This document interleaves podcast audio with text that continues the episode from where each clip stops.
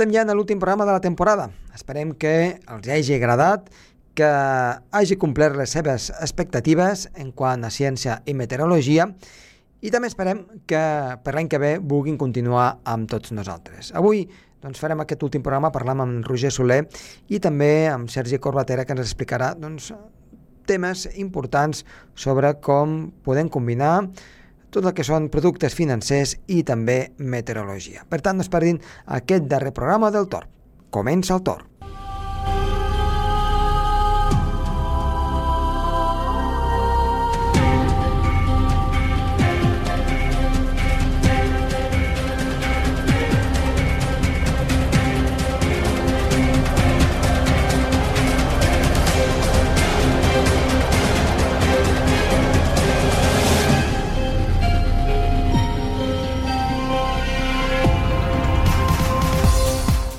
Darrer programa del Tor, moltes gràcies per escoltar-nos des de l'altre costat, ja sigui des del seu ordinador, des del cotxe o des del seu transistor. Encara n'hi ha de transistors, encara que no ho sembli, perquè gairebé tot avui en dia ho escoltem per internet o, si no, quan anem al nostre vehicle. Així doncs, els convidem a que continuïn amb nosaltres i escoltin aquest darrer programa de la temporada. Som-hi!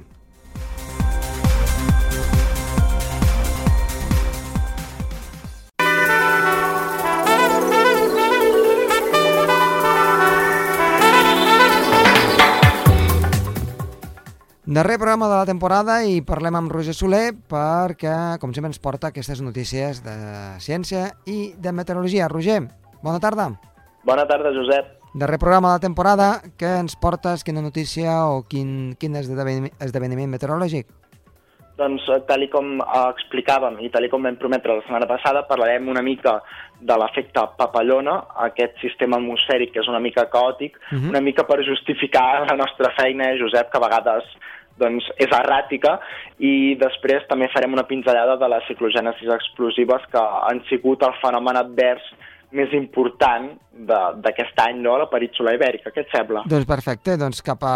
anem a veure ciclogènesis explosives, però abans l'efecte papallona, que segur que tothom està molt interessat per saber doncs, doncs què és doncs aquest fenomen. L'efecte papallona és la teoria del sistema atmosfèric eh, per verificar una mica que aquest, uh, aquest sistema caòtic que diu que l'aleteig, el moviment de les ales d'una papallona en un punt del planeta pot provocar un tornado en una altra banda del, del globus terrestre. Com mm. es pot interpretar això?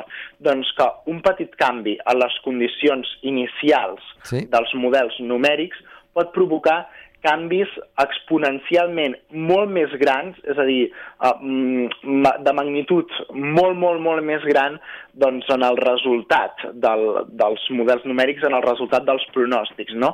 I això es pot interpretar en el sentit de que un petit error, encara que sigui molt petit, sí. decimal, no?, és a dir, un alateig d'una papallona mm, és quelcom molt, molt incipient, és algú poc, poc important, no? Uh -huh. no, no, és un, no és un esdeveniment molt, molt fort. És a dir, el, llavors, el fet de que aquest alateig de la papallona pugui provocar això, un tornado a l'altra punta del món, mm, ho hem d'interpretar en el sentit de que aquest, un petit canvi, és a dir, un petit error mm -hmm. introduït en els models numèrics, eh, ja hem explicat els, altres vegades que els models numèrics es fan introduint les dades del moment inicial uh mhm. -huh. de tots els d'uns quants punts en el planeta Terra, no? És a dir, que llavors un, un petit error o un petit canvi decimal poc important, que nosaltres no li donaríem importància en aquesta mesura d'observació de dades en aquests models numèrics pot provocar doncs això,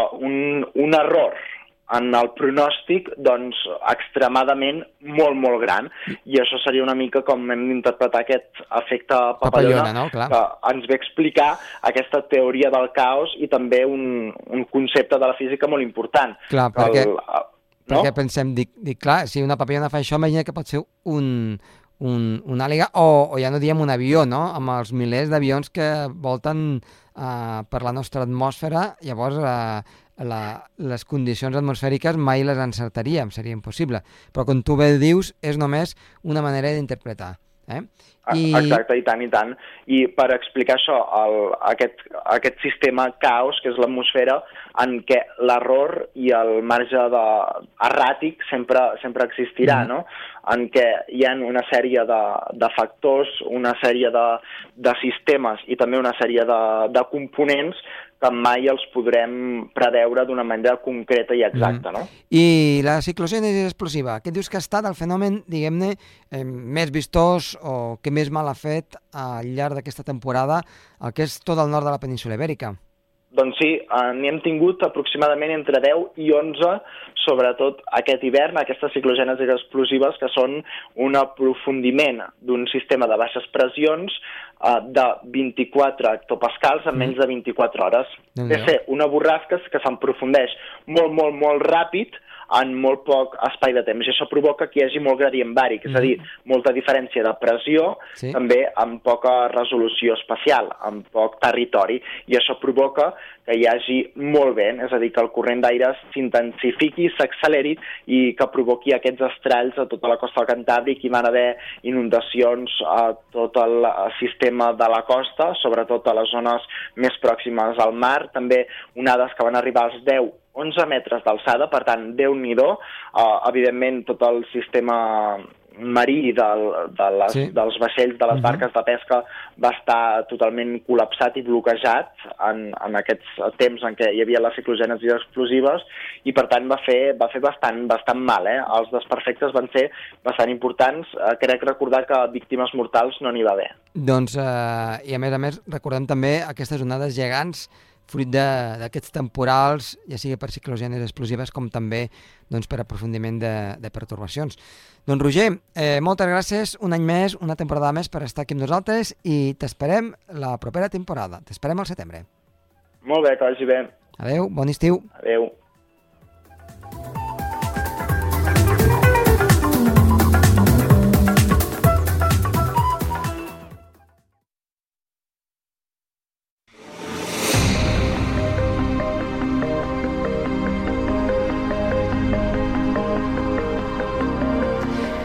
En el darrer programa d'aquesta temporada, en el programa Tor, tenim a l'altre costat del fil telefònic el Sergi Corbatera.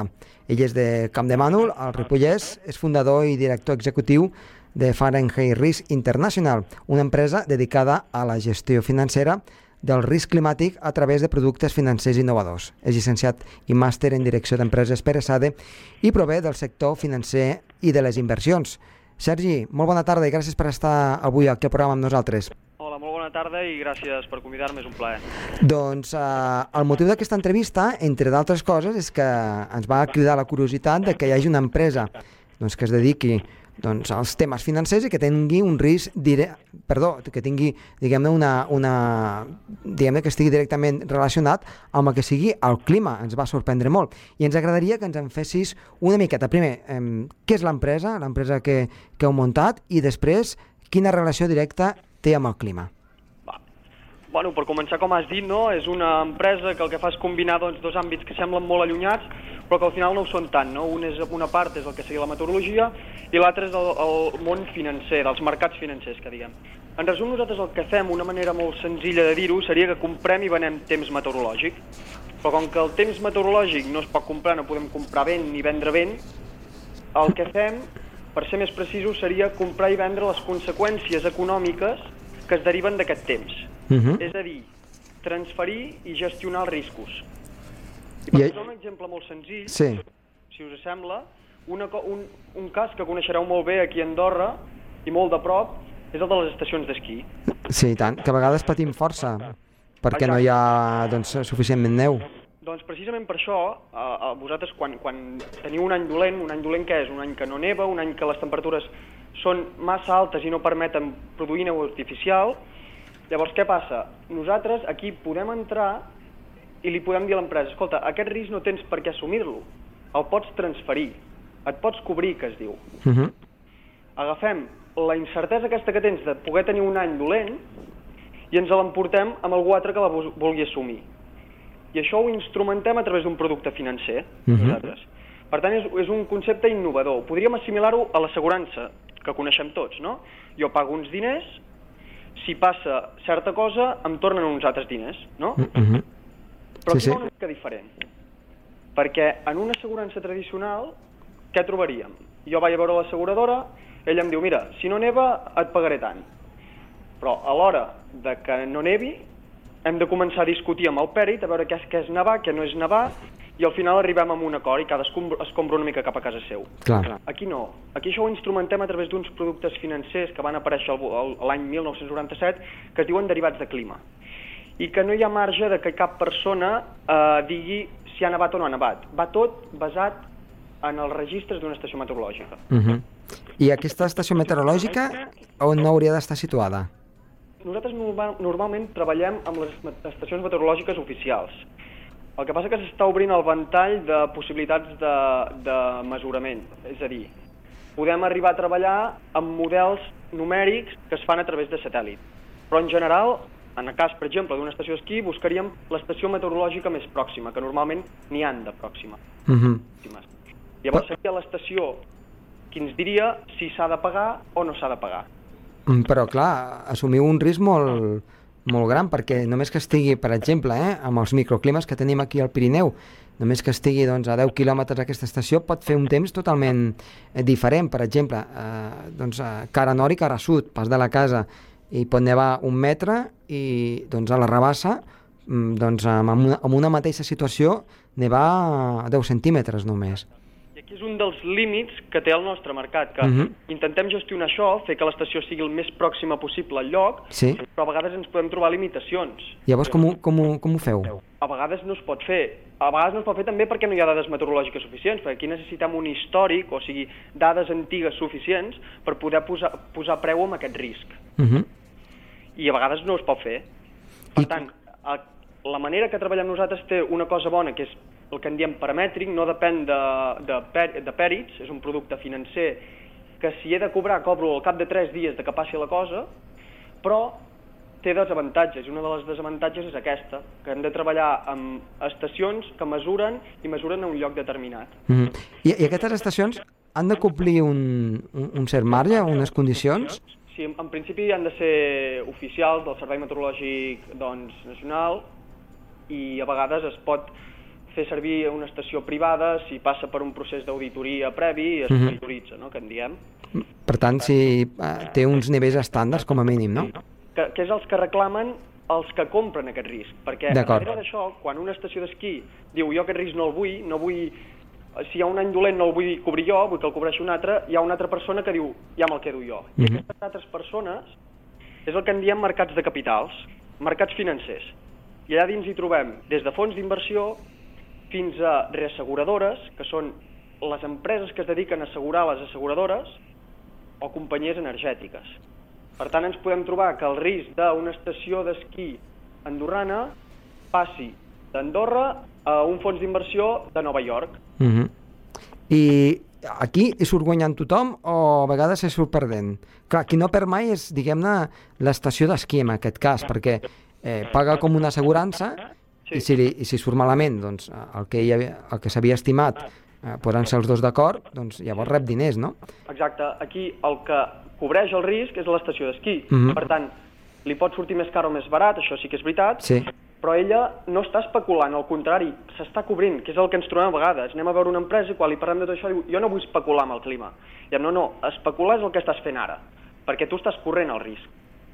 El que hauries de fer és no especular, perquè com que no coneixes bé el risc clima, què pot passar, Mhm. el que has de fer és treure't aquest risc i dedicar-te al que, al que toca fer, que és gestionar bé l'estació d'esquí, amb les condicions que tinguis, no? Mhm. I, Llavors, l'altra part, és el que és la que aposta, aquesta sí que corre el risc.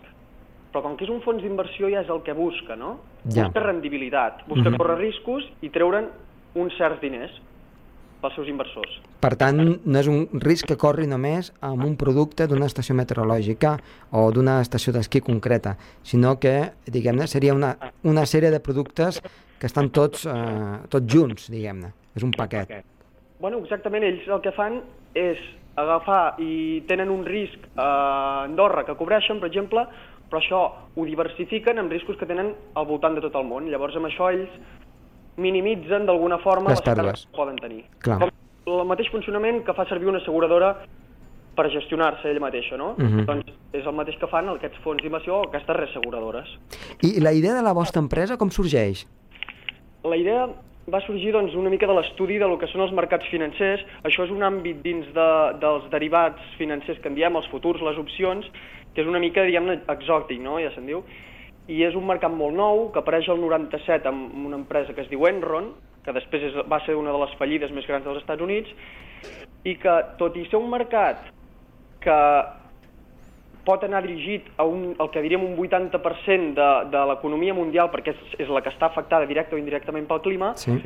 sembla que no ha agafat tanta empenta com s'esperava. Llavors, vam estar estudiant el mercat du- durant un temps fins que vam creure, per una banda que el coneixíem, i per una altra banda que era un possible moment en què es podia començar a expandir fort aquest mercat, que tot, i, que, tot i haver crescut, no havia crescut a les taxes que s'esperava. Per tant, en aquest aspecte, el, tot el tema que doncs, aquests darrers anys eh, doncs, està de moda i, de fet, doncs, eh, es comencen a veure potser algunes conseqüències, i es veurà amb el temps, no? de, del tema de pujada o no de les temperatures, d'un canvi climàtic que va cap a un augment d'aquestes temperatures, això es pot afavorir que hi hagi molta més gent en aquest sector doncs, que, que es, vulgui, es vulgui cobrir les esquenes. Exacte, sí, sí. Precisament, què ens, què ens ha passat aquest any, per començar? Que ha sigut el millor any per l'esquí, el millor any per les hidroelèctriques i el millor any per les eòliques, per dir alguna cosa. Però ha sigut el millor any, un any molt bo, tal com l'any que ve pot ser el pitjor any, no? Sí. I això és el que dona una mica el canvi climàtic, aquesta variabilitat, aquesta incertesa. I és el que doncs, intentem nosaltres poder cobrir.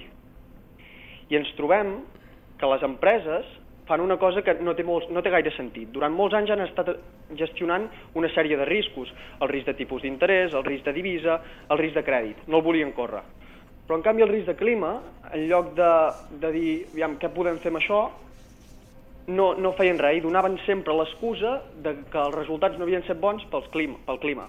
Uh -huh. Llavors nosaltres el que eh, intentem, quan els anem a veure, és fer-los entendre que tal com fan això amb, aquesta, amb aquests altres riscos, aquí haurien d'aplicar o- el mateix pensament, no?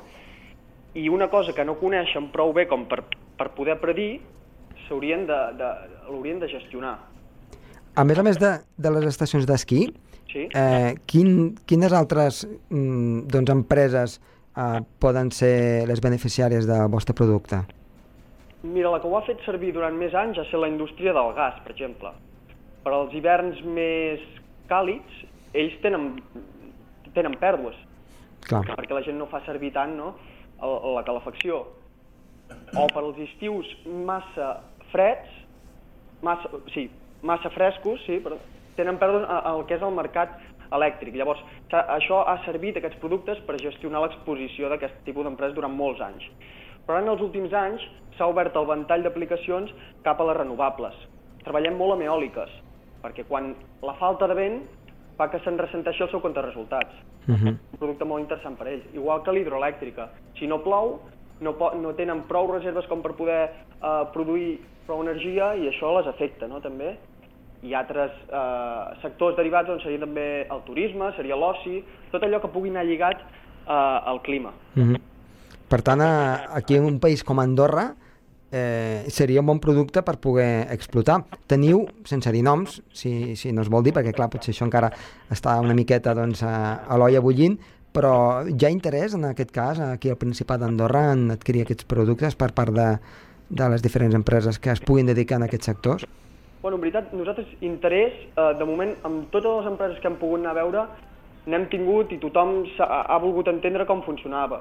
L'altre tema és que costa fer el pas perquè es tracta d'un mercat nou. I, I quan dic un mercat nou no vull dir un producte nou, perquè això passa a molts mercats, però aquí és una cosa que no s'ha fet durant anys i anys i anys i anys, i ara de cop has de canviar la mentalitat i dir-li quan donaves la culpa al temps, ara ja no cal que li donis, ara pots fer això. Llavors Clar. això costa, i això requereix temps i, i, i, no, i no és fàcil, no? I, però sí, sí que hi veiem molt interès, cada cop més, perquè també doncs, que les empreses cada cop s'estan professionalitzant més i es gestiona tot millor, no? Uh -huh. uh, amb les elèctriques dius que també doncs, hi ha un, un factor de risc, en aquest Sí. cas. Eh, amb la indústria del petroli, eh, suposo que no, aquí ja no heu arribat ja, ja és, és un, és un tema totalment diferent. Són indústries que se'n beneficien, el que passa que la indústria del petroli el que et trobes són empreses molt grans. Llavors, per dirigir-nos, nosaltres una, som una empresa uh, relativament petita que, que no ens podem dirigir, doncs, uh, depèn quin tipus d'empresa per, per, per infraestructura. Però Mhm, que, uh, el petroli doncs, també seria un, un, un sector interessant per, per, les, per les aplicacions que pot tenir. Inclús construcció també és un sector molt interessant perquè eh, determinades condicions meteorològiques poden afectar que es pugui seguir o no es pugui seguir construint. I hi ha penalitzacions si no es pot seguir construint moltes vegades. Uh -huh. Per tant, si, si ens posem a buscar, hi ha aplicacions a, a molts sectors diferents. Clar, ara estava pensant, per exemple, en, en la construcció, no? Aquí, sobretot, eh, en el tema de baixes temperatures, a partir d'una certa temperatura negativa, doncs ja doncs, eh, no es pot eh, doncs, llançar doncs, segons quines coses perquè doncs, no, no, no, no s'acaba de, de, de frauar, no? per dir-ho d'alguna manera. Eh, o, per exemple, amb risc de tempesta, risc de, de llamps que poden afectar a, a, doncs, a, a zones doncs, una mica més delicades en aquest aspecte, com ara doncs, el que serien eh, llocs on puguin haver-hi infraestructures amb, amb doncs, ordinadors, etc etc que es puguin fer malbé. Aquest aspecte suposo que també el podríeu cobrir d'alguna manera. Aviam, eh, nosaltres el que podem cobrir és allò que es pot mesurar. Uh -huh. Llavors, en el cas de llamps, eh, en principi jo no he vist mai cap producte en aquest sentit, però com que les coses avancen tan ràpid, doncs Sí. segurament podria arribar a sortir un producte d'aquest tipus que, es mes que si hi hagués medició d'això, no? Sí, de fet, els llamps, clar, sí, sí que es poden saber on, ha, on han caigut, no? De, hi ha detectors de llamps en aquest aspecte. Doncs llavors es, es podria, segurament es podria arribar a evolucionar en aquest sentit, però de moment les aplicacions que veiem són per, per les variables meteorològiques doncs, més, més comunes, no? Mhm. Precipitació, temperatura, plu, eh, temperatura i humitat, totes les que es poden mesurar d'una estació meteorològica, vaja. Uh -huh. I, I per fer-nos una, una petita idea de quan una estació d'esquí podria cobrar o no podria cobrar, per fer-ho molt senzill, eh? com, com ho podríem veure? Això sempre dependrà de les condicions d'aquella estació d'esquí, però, per posar un exemple, Sí. una estació d'esquí podria pagar 100.000 euros i, si es tracta de la pitjor temporada, cobrar-ne cobrar un milió d'euros. Per tant, estaria pagant un 10% per tenir dret a cobrar un milió d'euros en el pitjor dels casos, no? Però això no... Això és cas per cas, perquè d'això depèn de les probabilitats Clar. de que passi una certa cosa. Llavors, què ens podem trobar? Estacions d'esquí com Andorra, per exemple, segurament per la seva orientació o, o pel lloc on estan no tenen tants problemes com potser alguna estació d'esquí del Pirineu català. Per Mhm. tant, això encariria el preu, no? Clar. En el cas de, la, de les catalanes. És un, és, es tracta d'això, sempre va lligat doncs, a, la probabilitat aquesta. Uh -huh. eh, doncs Sergi, eh, molt interessant tot el que ens heu explicat. Eh, només els ho voldria dir als nostres oients que si tenen interès en contactar-vos, doncs que poden eh, mirar la vostra pàgina web, que és, eh, si no m'equivoco, www.fahrenheit.com Fahrenheit Risk. Risk.com i, o si no, per exemple, eh, poden trucar eh, al telèfon de, de Barcelona 0034 93 321 57 74 que esteu ubicats al carrer Numància, per tant esteu for, força cèntrics eh, en aquest aspecte. Eh, no sé si queda alguna coseta per, per voler-nos explicar. No, jo crec que hem, hem pogut cobrir una mica de tot el que, el que crec que, que és important de conèixer d'aquesta d'aquesta indústria nova i, i doncs que sí que qualsevol persona té qualsevol tipus d'interès, encara que sigui només a saber com funciona, Uh -huh. eh, que contactin nosaltres sense, sense cap mena de, de dubte. Doncs, uh, Sergi, moltíssimes gràcies per estar avui aquí amb nosaltres al programa Torp.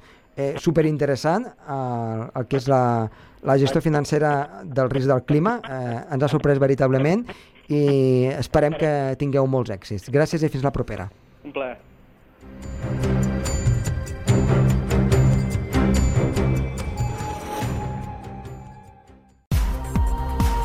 El torn amb Josep Tomàs.